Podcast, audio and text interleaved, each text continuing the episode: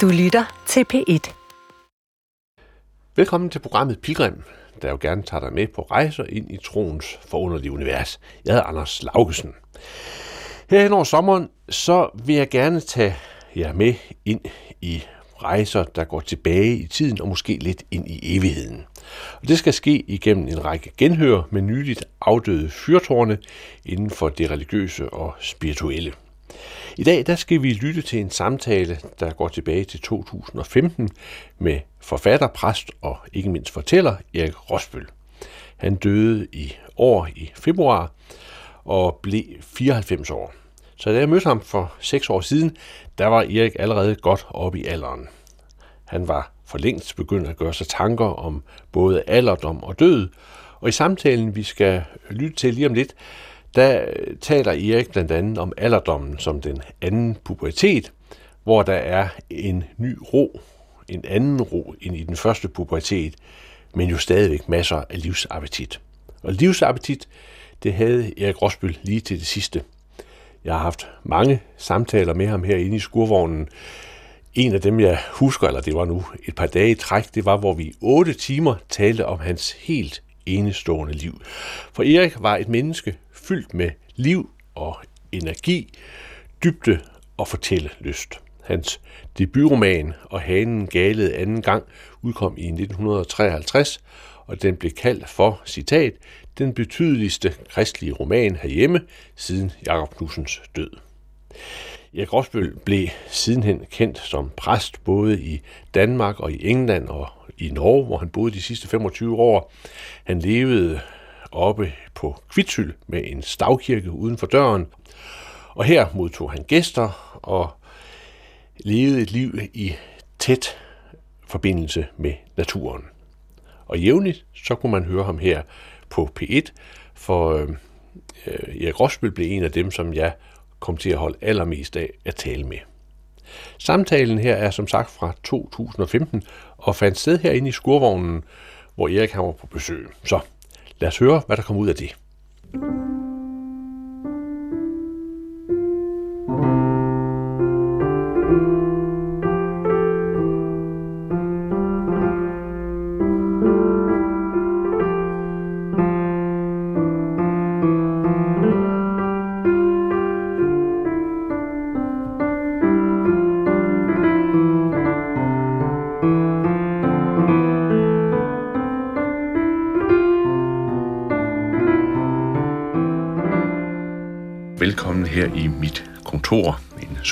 Fyldt med bøger, billeder og mange noter. Og så er der udsigt herud til Markerskov. Jeg inviterer her i sommer en række gæster, der på den ene eller på den anden måde har en plads, en klang eller måske svaret på nogle af de spørgsmål, som findes herinde i min skurvogns lille univers. I dag er gæsten forfatter og præst Erik Rosbøl. Herovre i min reol står der en bog, jeg holder meget af, som Erik Rosbøl har skrevet, Når tiden er inde. En bog, der blandt mange andre ting også handler om det at nærme sig den sidste del af ens tilværelse. Vi skal i dag tale om det at blive gammel i troens lys, men vi skal også tale om liv og livshistorier, alderdom og stillhed. Men inden vi begynder, der skal naturligvis lyde en morgensang, og jeg har valgt Thomas Kingus Vågn op og slå på dine strenge her, taget fra CD'en før søndagen. Oh.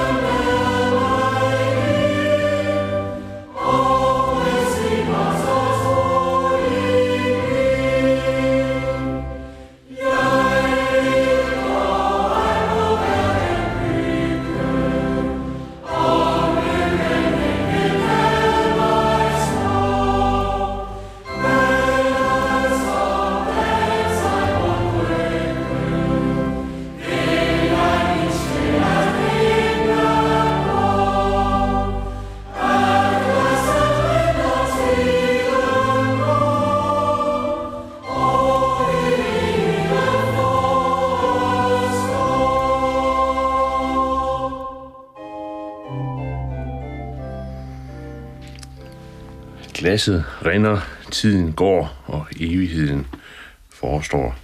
Erik Rosbøl.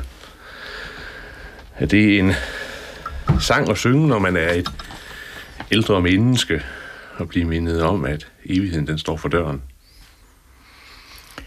Det behøver man ikke at blive mindet om. det er jo grundvilkåret der, hvor man nu befinder sig. Og jamen, det er pragtfuldt at høre og høre salmen, og det er dejligt at sidde en morgen og nynne med på den. Jeg har jo kun den udenad, siden jeg var et barn og ikke rigtig havde tidsfornemmelse. Men øh, nu er den der jo. Mm. Og øh, det går godt at vide, at der er andre, der ved det og, og har levet med det på den måde, som det kommer til udtryk gennem Kingo salmer. Ja, for man kan jo næsten sige, at her har vi helt tilbage fra 1600-tallet ikke en, øh, en ja. fælles oplevelse af det at blive gammel, ikke? Ja, men øh, Anders, jeg er jo et historisk menneske. Og når jeg skal øh, finde udtryk for det, der foregår inde i mig, øh, så må jeg så må jeg ind i det historiske univers. Mm. Øh, jeg er ikke uden videre hjemme i min samtid. Det, det må jeg konstatere som det, det er, og det kan være smerteligt. Men jeg har nogle steder, hvor jeg er hjemme, og dem søger jeg tilbage til og øser af. Hvordan er det det med at og sådan, du er, ja, du er 81, siger du, ikke? altså, hvordan er det at komme op i alderen og, og øh, tage, han har sagt, en dag ad gangen? Nå, jamen, nu det med at tage en gang, ja, dag ad gangen, jeg går slet ikke sådan, når jeg er i nogen øh, en fornemmelse af, at det er sådan ved at være slut i kalenderens forstand. Det ved jeg jo ikke noget om.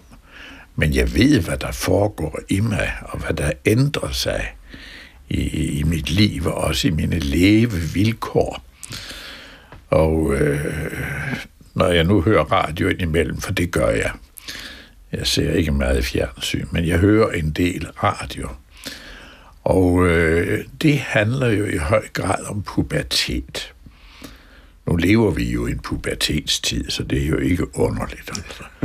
Men øh, det med, at der jo ikke bare er en overgang fra at være barn til at blive voksen, men at der også er en overgang fra at være voksen til at blive gammel. Og at denne, den anden pubertet, jeg ved ikke, om man skal bruge udtrykket, men altså, du forstår nok, hvad jeg mener, øh, den er den kan man jo møde med bevidsthed. Den første er man jo bare et offer for. Mm. Og den gør en hel masse ved en, som man ikke, øh, ikke, ikke kan se linjen i. Man er ligesom udleveret til dels til en terrortilstand. Det er ikke... Øh, så når, når det gør sådan til noget let og luftigt, så er det jo slet ikke det. Det er jo noget blodigt. Mm. Men den anden øh, pubertet, den kan man jo forholde sig til med sin bevidsthed og imødegå og øh, høste af på en helt anden måde. Og jeg er i min anden pubertet. pubertet. hvordan, hvordan ytrer sådan en pubertet, så bliver man altså ændrer sindet sig, ligesom det gør i den første? Ja, men det gør det. Altså, man bliver mindre talende og mere lyttende. Og ens behov refererer sig ikke til det, man sådan normalt kalder underholdning, i hvert fald ikke i mit tilfælde. Den, det, nødvendigheden bliver stillheden. Mm. Altså stillheden skabe. Fordi det, det, man skal leve af i denne anden pubertet, det er det, der kommer til en. Men øh, man bliver jo overøst af herligheder, også der, hvor man fra at være voksen bliver gammel. Men de herligheder skal man jo kunne øh, tage imod. Og det kan kun ske i, i stillheden. Mm. Du aner ikke, hvor rituel jeg er blevet. Jeg, jeg morer mig stærkt over mig selv. For, for når jeg sådan står op om morgenen, så må jeg selvfølgelig først lige konstatere, hvordan hver guderne har indrettet dagen for mig. Men jeg går altid ned og ud. Og der, hvor vi bor oppe i det norske højfjeld, der er det at gå ud, det er jo altså træde ud i universet. Ja. Og øh, der er fjeld og vidder, og der er den ene bjergkæde bag den anden, og 400 meter under, hvor jeg sidder, der, der, der strømmer fjordens vande. Der er dyr i skoven og fugle i luften. Og selv når det er bidende koldt, for jeg sidder også ude, når det er 12 eller 14 eller 18 graders kulde. Jeg sidder ned og pakker mig lidt ind, trækker hatten ned i handen. ja. Men øh, så tager jeg ellers rituelt fat på dagen. Ikke? Jeg skal være nede før solen kommer op, og den skal velsignes. Ja. Altså dette at velsigne dagen og modtage den som en velsignelse. Og der er der ikke nogen, der skal forstyrre mig. På det sidste har jeg kaldt det min gyldne time, og det betyder, at jeg vil ikke forstyrres. Men du kan godt se dig for mig siddende der, og så med et timeglas. Det er jo en vidunderlig, mm. det er en vidunderlig tidsmåler, det der timeglas. Og så vender du det, og så har du en time, og så løber sandet fint, fint, stille, stille, uforstyrret. Men det sker, det er et vilkår, det sker. Du ser sandet, og det vokser i glasset den tid, der er gået, og så kommer... Altså, altså man kan se sig fuldstændig særlig på det der ja. timeglas. Og øh, så tænder jeg en cigar. Jamen tænkte det, Anders, det må jeg jo ikke. Jeg har jo haft hjertet ude af kroppen, ikke? Og, ja. og alle disse her sundhedsforskrifter, som er så morsomme. Altså, man, man tror, man kan erobre livet ved at spise gulerødder, altså for cigaret. Men altså, jeg tænder en cigar. Min kone havde svært ved at købe den sidste kasse til mig, for hun ved jo godt, at det mås man ikke. Men altså, når timeglassen og sanden løber nedad, og røgen fra cigaren stiger opad, og så tager den jo en kending af vindretningen, ikke? Og jeg kan se og faktisk følge den ret langt. Jeg ryger altid kun ude. Der står jo på pakningerne i, i det, det ulidelige opdragersamfund, vi har fået, ikke? at du skader ikke bare dig selv, men også dine omgivelser. Uha, Anders, Anders, det, det vil jeg jo nej, ikke. det vil du ikke, nej. men når jeg sidder udenfor, så er der altså kun hakkespætten og musvitten, der kan få en lille røgdosis, det overlever de nok. Men altså, der sidder jeg med mit timeglas og med min mega cigar. Den skal være sådan rullet og indrettet, at den kan brænde en time, lige så længe som sandet øh, stryger ned, så stiger røgen op. Og så er der stille, eller der er fuldstændig stille. Og, og, og, og, og ja, jeg ved ikke, Anders, der sidder jeg og velsigner alt omkring mig. Og oplever mig selv som et velsignet menneske, for jeg lever jo på, på låntid. Altså, du ved, for et år siden var jeg jo igennem, jeg ved ikke, var det 12 eller 14 operationer, og hjertet kom ud af kroppen, og jeg ved ikke hvad. Ja. Og altså, efter alle disse indgreb og reparationer, der måtte man jo konstatere, at, øh, at nu var den tid, man havde, altså en tid, som naturen ikke havde skænket en uden lidt medhjælp øh, fra en menneskelig hånd, og, og, og, og så en verden, der er i besiddelse af en teknik, som, som, som jeg jo ikke føler mig alt for tiltrukken af, men den har altså givet mig dage, måske mange dage, jeg ved det ikke, men jeg oplever, at det er dage, som jeg får givet. Mm. Og jeg kan godt sige det, når jeg, når jeg vågner om morgenen, jeg,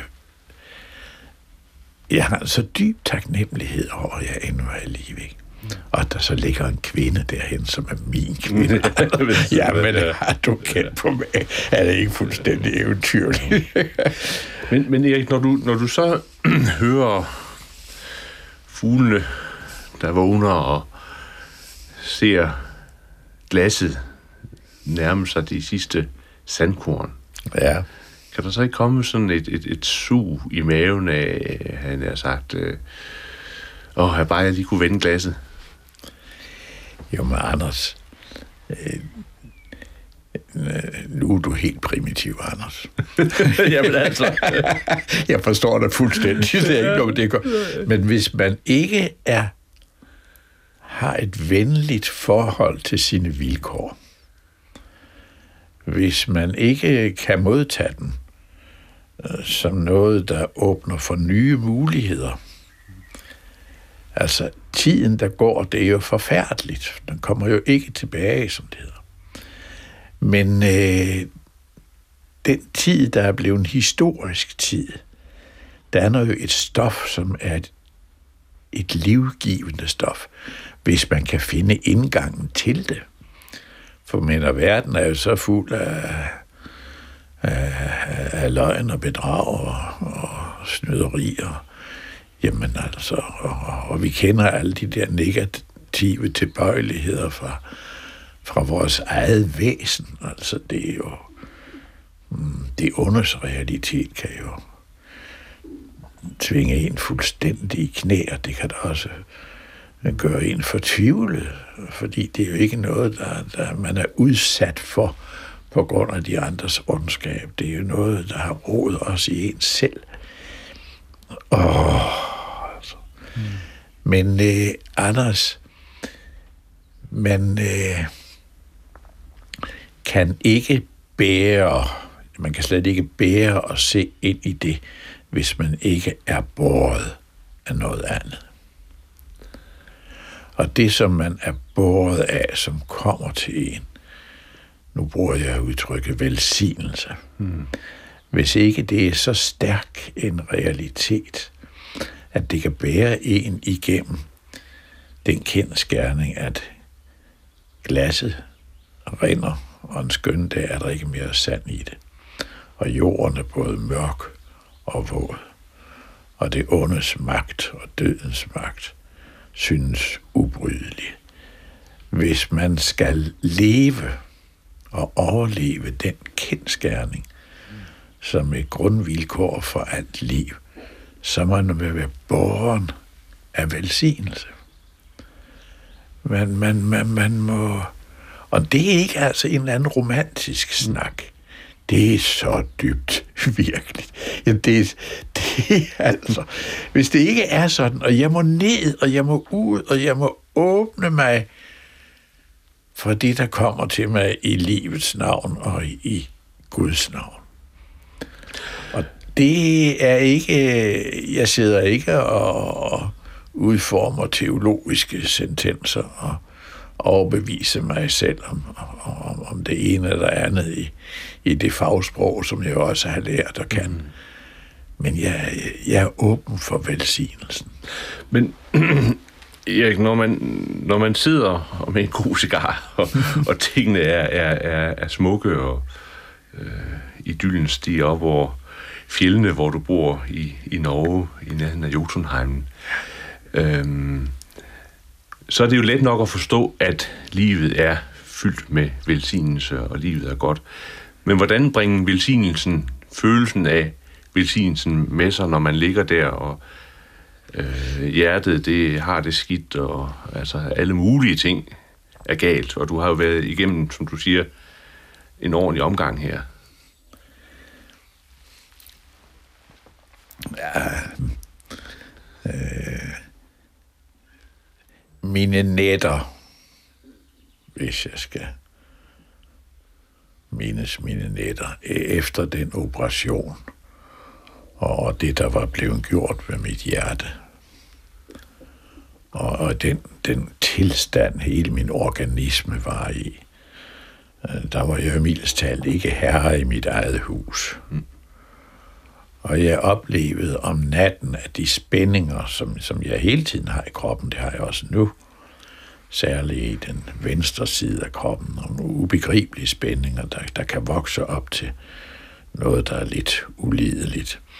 I den tid, der voksede det ikke bare op fra, øh, fra anklen og knæledet, hvor det har sit hovedsæde, hoften, men det gik videre op og op i halsen, mm. og medførte sådan nogle kvælningsfornemmelser. Og så gik det op i hovedet, og øh,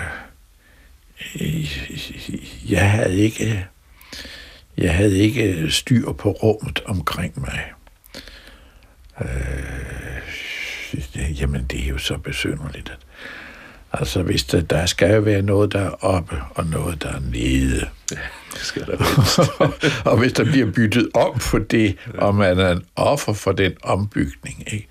Og ligger der altså og kører i Paris og jul, i søvnløse nattetimer, der ikke synes at ville tage nogen ende, øh, så, er det, så er det da hårdt, umådeligt hårdt at, at, være, at være menneske.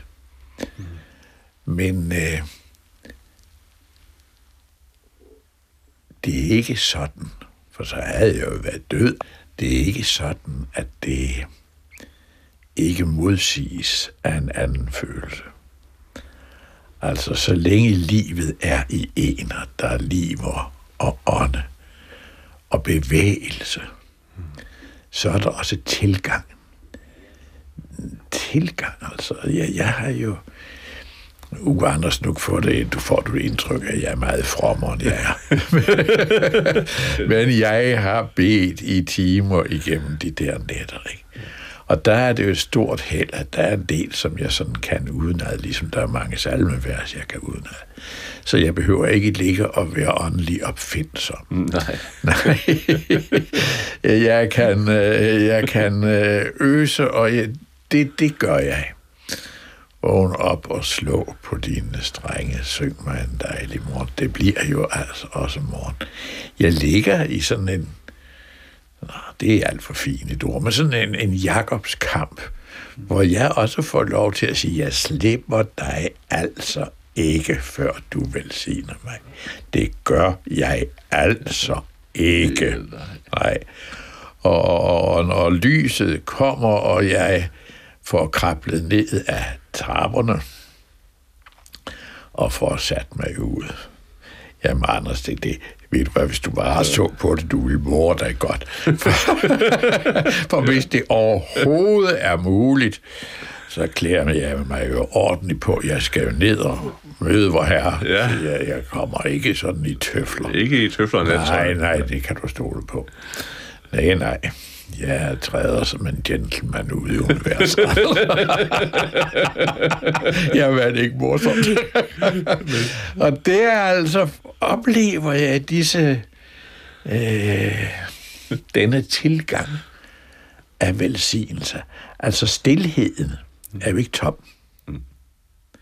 Stilheden er, er, helt, er helt fuld, og hvis jeg altså kommer på talefuld uden øver sin lyd, med stillheden, så har den altså noget at give mig. Jeg kan, jeg kan, ja, og, og, og, og, og, og som sagt, der sidder jeg ikke sådan i en almen religiøs, panteistisk øh, øh, bedøvelse af noget. Jeg er meget konkret i faderens og søndens og heligåndens navn. Og, og det er heller ikke, fordi nu er jeg ordineret præst, og jeg må sørge for osv. Alt det der. Nej, men det er, fordi det er livskilde. Det er, det, det er den vej, det kommer til mig, altså. Ikke? Og det så mine morgener efter netter, som ofte for tiden er mine netter gode. Ja. Og det er jo fabelagtigt, det er jo fabelagtigt, at man ligger der og sover. Og, og nu hvor man ikke længere er nogen erotisk bøffel, så kan man jo altså opleve at have adgang både til det ene og det andet harem i nattens løb. og så vågner man der, og må smile lidt af sig selv, for liv og lag, er det jo. Men altså, der er altså nogle livsstrømme, øh, som går igennem en, ikke? Og, og, og, og, og så skal man ud i, i stillheden øh, med det. Og det er jo sådan en gave, at jeg får lov at bo, hvor jeg bor og leve. Altså, der kan du godt sige, at jeg er privilegeret ud over alt forstand. Altså, det er jo så fantastisk, at man var præst i en årrække, ikke?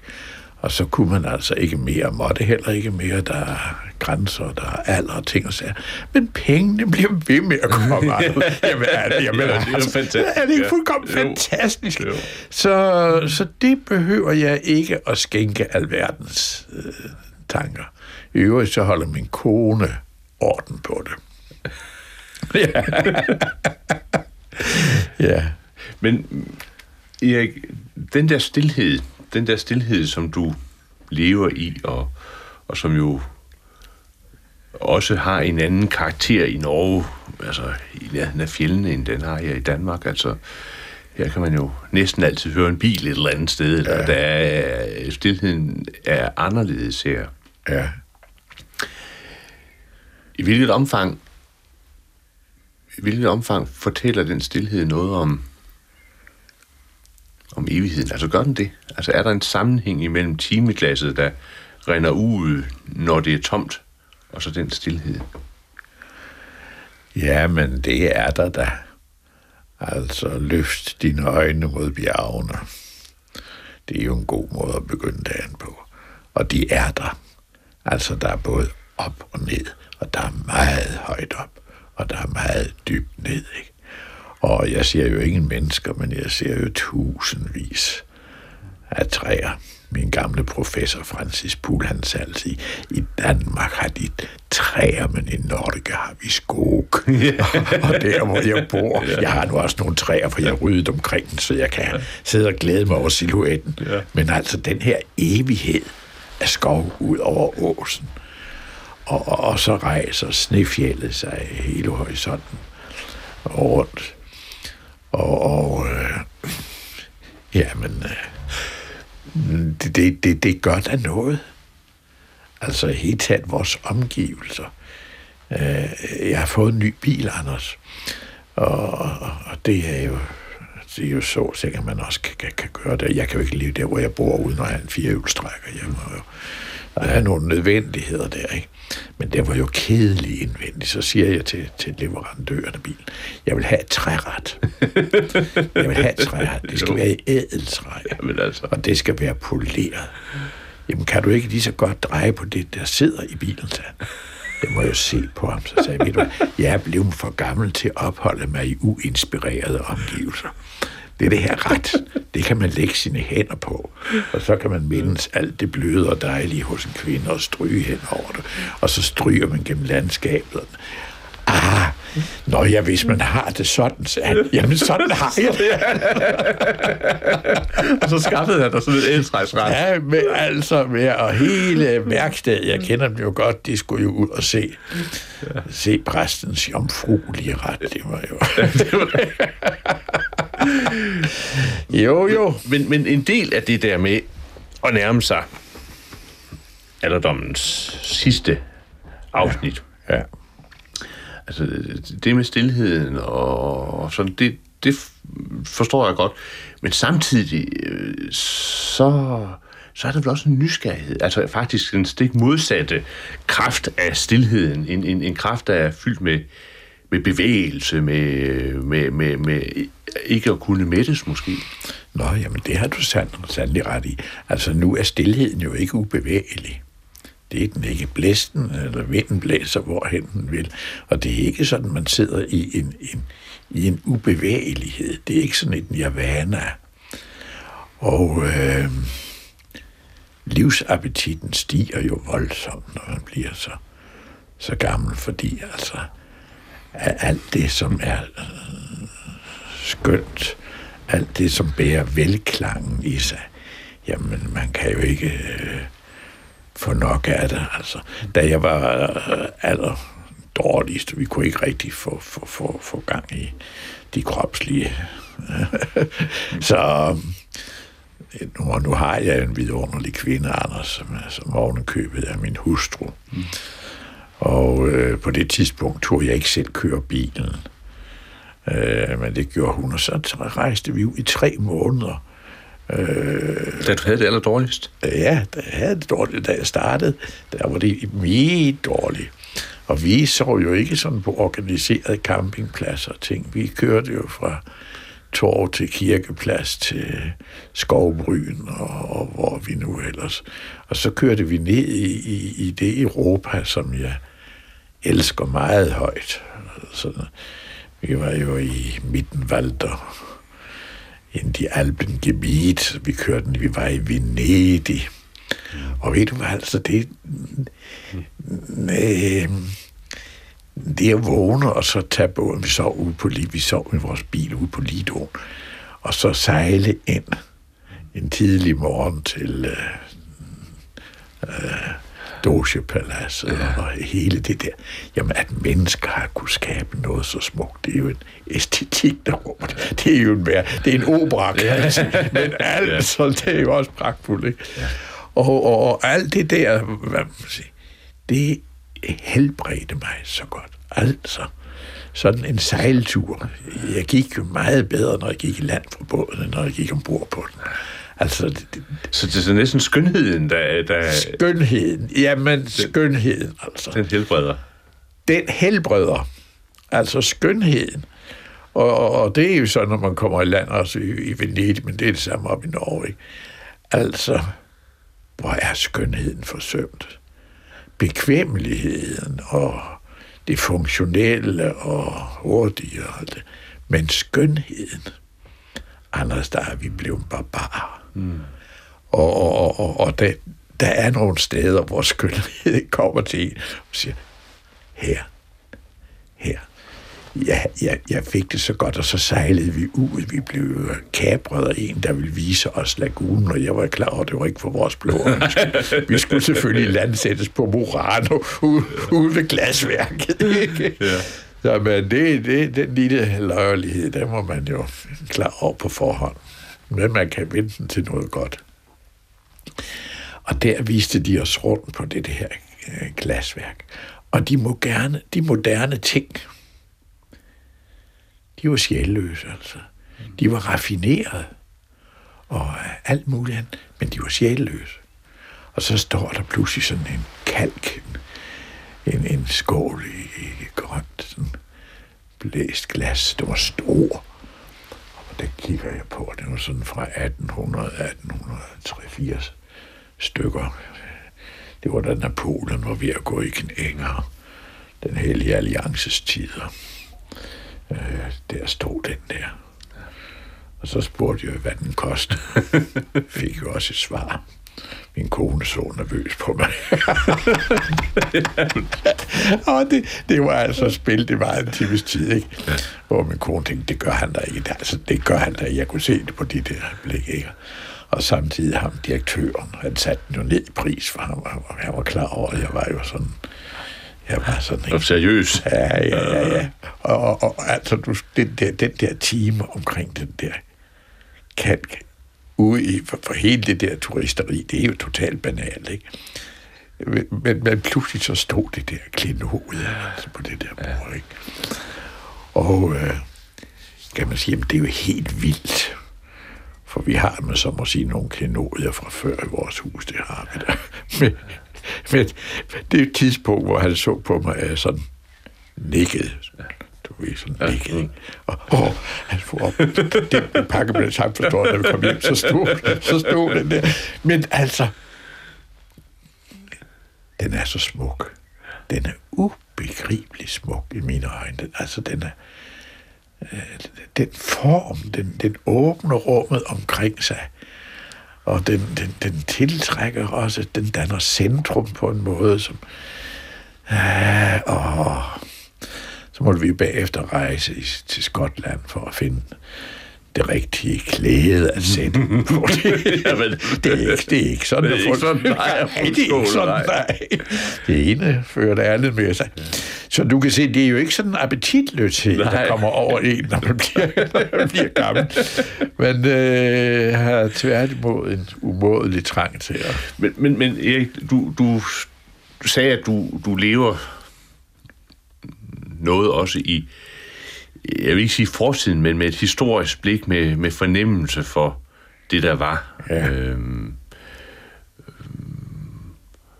og nu taler du så om skønheden. Det, det, øhm, det er næsten som om, at du, altså, man, man får tanken, at, at den her skønhed er som et, et stillhedens sprog, der går igennem historien. Ja.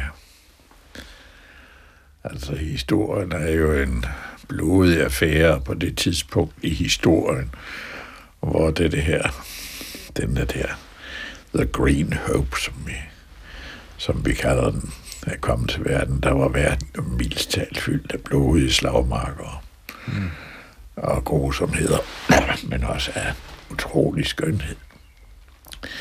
Men øh, jeg lever jo ikke sådan i en pacifistisk verden på den måde, at jeg tror, at hvis man bare har noget skønt for øje, så holder fanden nok fingrene for sig selv.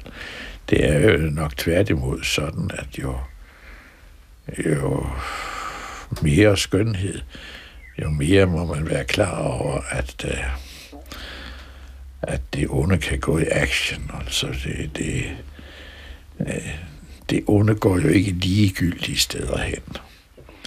Det går derhen, hvor der er noget at ødelægge. Og derfor jo mere,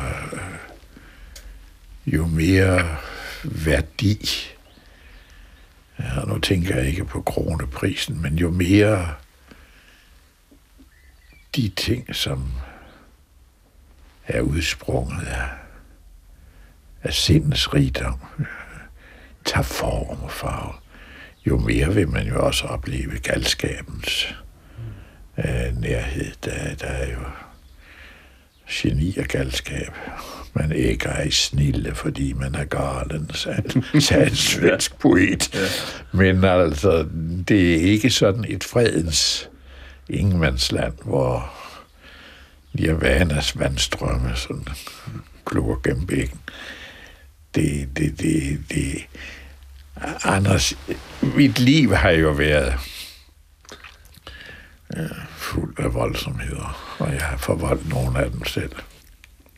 Jo, men Erik Rosbøl, det jeg tænker på, når jeg, når jeg siger det med, med, med, med, med, med skønhed og, og det, der går sådan igennem historiens årstal som et stille sprog, det, det er jo også... Øh, altså, det er jo den der umiddelbare fornemmelse af, når man står, nu siger du Venedig, mm, jeg vil jo sige Jerusalem, eller ja, ja, ja, ja. de gamle katedraler, de ja, gotiske ja, katedraler, ja. eller, eller, eller pyramiderne for den tages skyld, ikke? Altså man står der over for noget stort, ja. noget ufatteligt smukt, som på sin vis har et, et, et, et, et, et budskab, et sprog, en skønhedens... Ja øh, ja, sus, der går på tværs af historien og rammer mig. Ja. Men altså, jeg kan godt se, mm, Anders, du jo altid har religiøse programmer, og jeg også deltager i sådan et, så Venedig jo et, et simpelthen sekulariseret sted. Yeah. men, men smukt er det.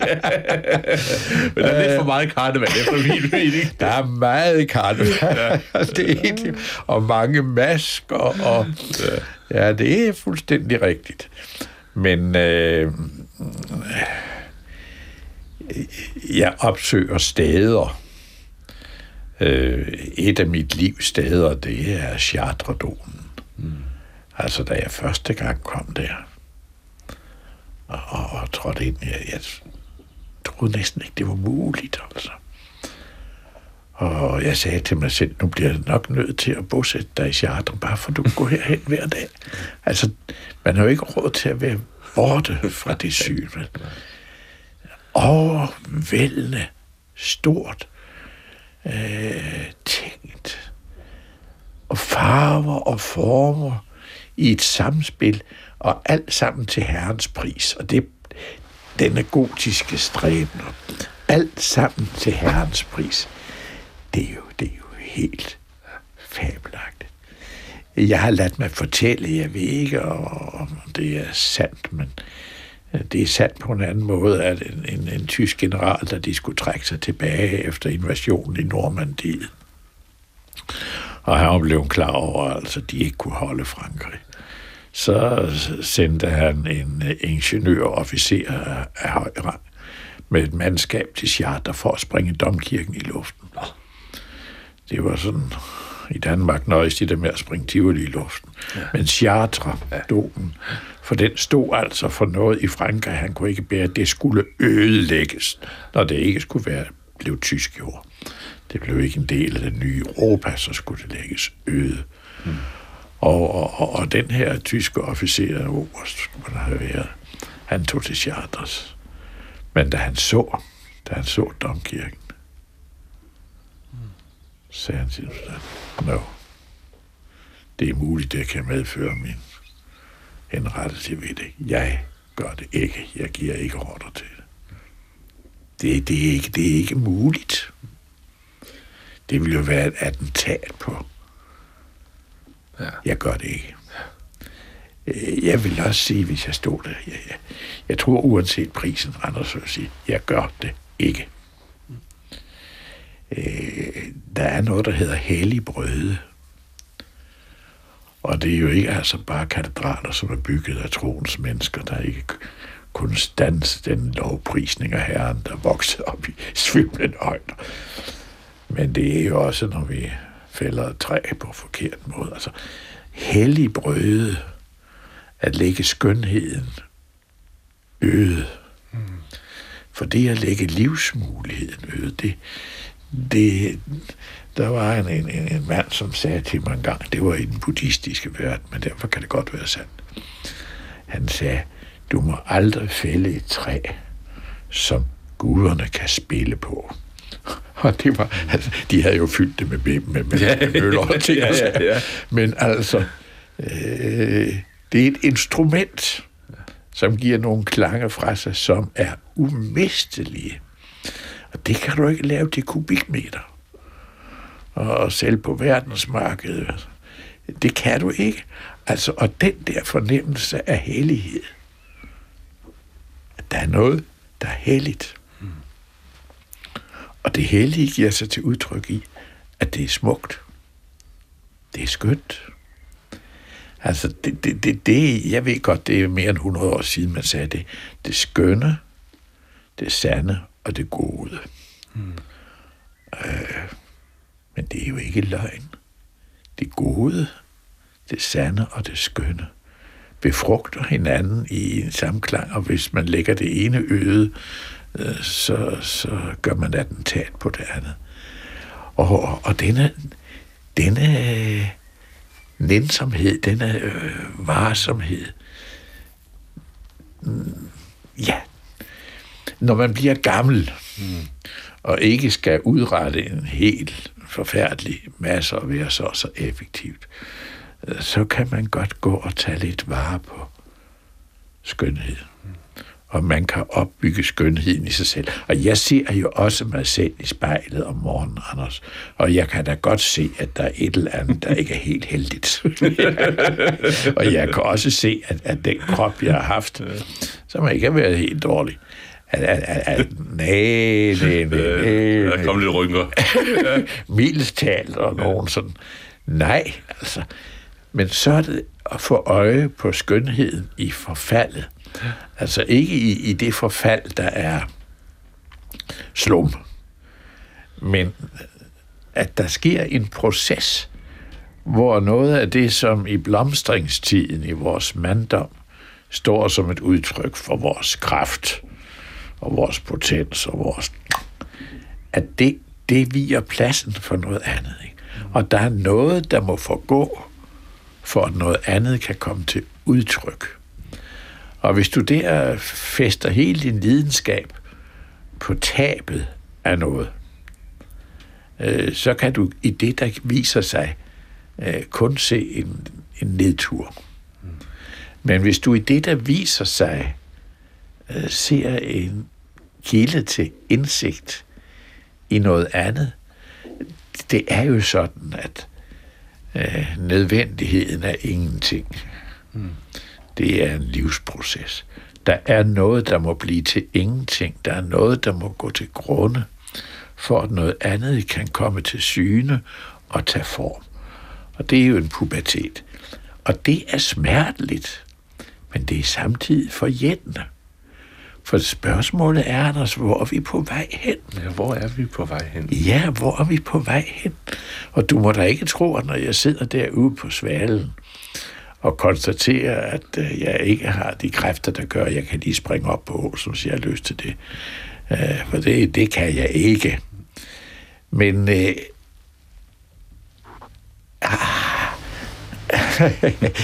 jeg, jeg sad der og tænkte, og en tal er det jo slet ikke nødvendigt. For jeg kan sidde, hvor jeg sidder, og have hele Åsen med mig. Nu kender jeg det jo så godt. Ikke? Og, og det hele, jeg kan indoptage det på en anden måde, og jeg kan måske endda udtrykke det øh, på en anden måde. Øh, der rejser sig noget af af det korn, som går til grunde for nu at blive udtrykket med sædekorn. Øh, hvis man ikke er i stand til i den proces af undergang at opleve processen af tilblivelse. Mm. Hvis man ikke er i stand til at spejle øh, noget, som ikke tidligere gav sig til kende, fordi vi havde ikke instrumentet til at, at opfatte det og udtrykke det, ja, så er man jo inde i en, en dødscirkel. Men det er ikke det, vi skal. Og hvis man ikke ser, nå, nu er jeg, nu er jeg nået til min anden pubertet. Ja så skal vi se, hvad vi kan få ud af den. ja, hvad den vil vise mig. Og øh, øh, jamen, det er virkelig for mig hver eneste morgen og hver eneste dag, det er det. I bevægelsen i den, i den anden pubertet, altså i bevægelsen, i lutringen, kunne man næsten ja. sige, øhm, så kan man godt forestille sig, at det også er nødvendigt at smide træ ind i bålet til ja. lutring. Ikke? Altså, ja. at man, man, man, man bliver nødt til at tage livet op og få det, få det lutret. Ja, det er man. Når, når jeg taler om det historiske, og, og dermed jo altså også tænke på mit eget lange liv. Jeg er født i 1926, altså.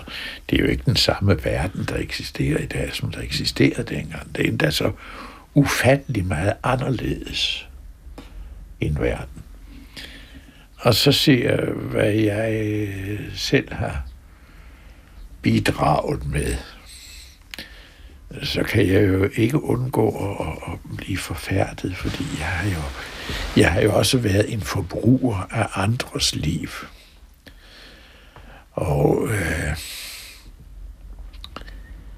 ja, det er jo det med kærlighedslivet, som vi ikke magter, altså selvom jeg vil høre til dem, der troede, jeg nok skulle kunne det men jeg kunne det ikke.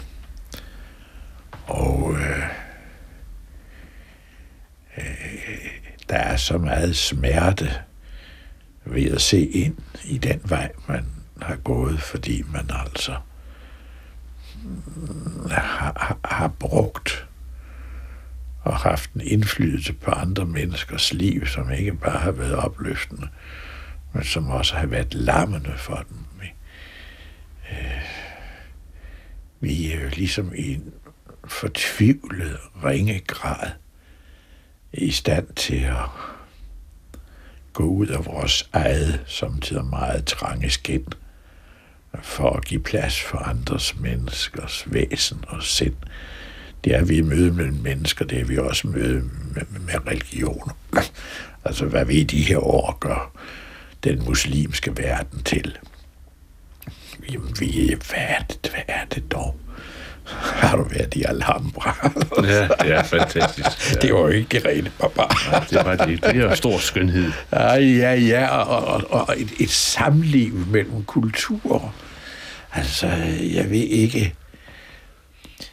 Jeg ved ikke, det er frygteligt, hvad vi, hvad vi, hvad, hvad vi i vores egen indespærrethed i, i de billeder, vi har opsat til forsvar for os selv og vores kultur. Altså hvad, hvad vi kan lægge øget i andre menneskers kultur. Altså, nu skal jeg ikke snakke Muhammed og hans tegninger og så videre. Men øh, det er jo ikke bare de andre, der er grove. Vi er jo barbarer. Altså vores mangel på sans og følsomhed for andre menneskers øh, begrebsverden og, og, og den øh, og hele hele denne også religiøse selvviskhed.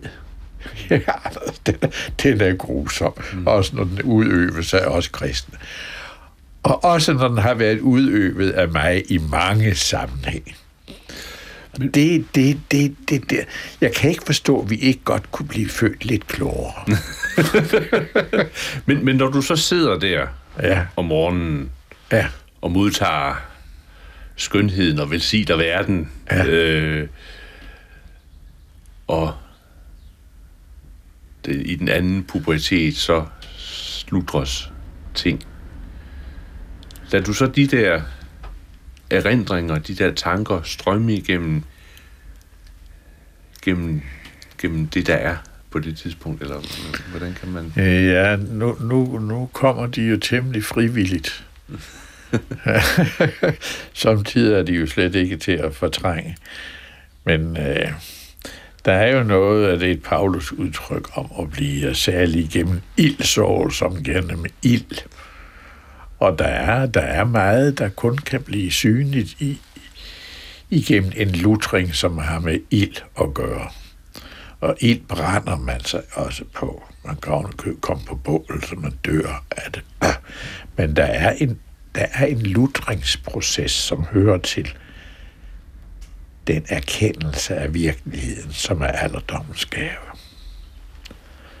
Og man er ikke uden ar og brændsår og og selv ser jeg kun på det ene øje, og det, det, det, det er endda jeg blev så glad, da der kom en arkeolog en morgen til stedet, hvor jeg sad, og skulle op og undersøge noget, og så det var en mand og en kvinde, som det jo bør være, og så sagde kvinden mand, se ham, der sidder der, det er Odin. ja.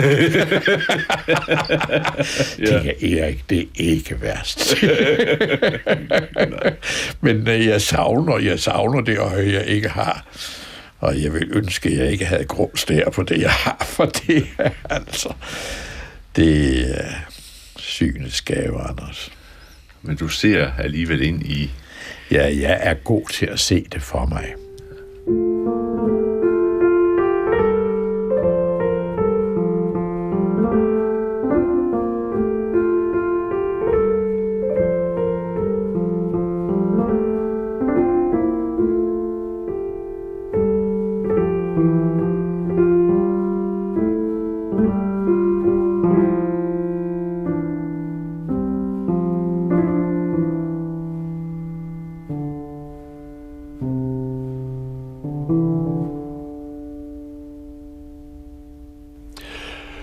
Hørte her en samtale med præst og forfatter Erik Rosbøl. Han døde i februar i år og var blevet på det tidspunkt 94 år gammel. Samtalen blev sendt første gang i 2015. I de senere år der blev Erik Rosbøl også kendt på Ramachan, hvor han sammen med sit oldebarn Theodor optrådte i en række poetiske børnefilm Min oldefars historier.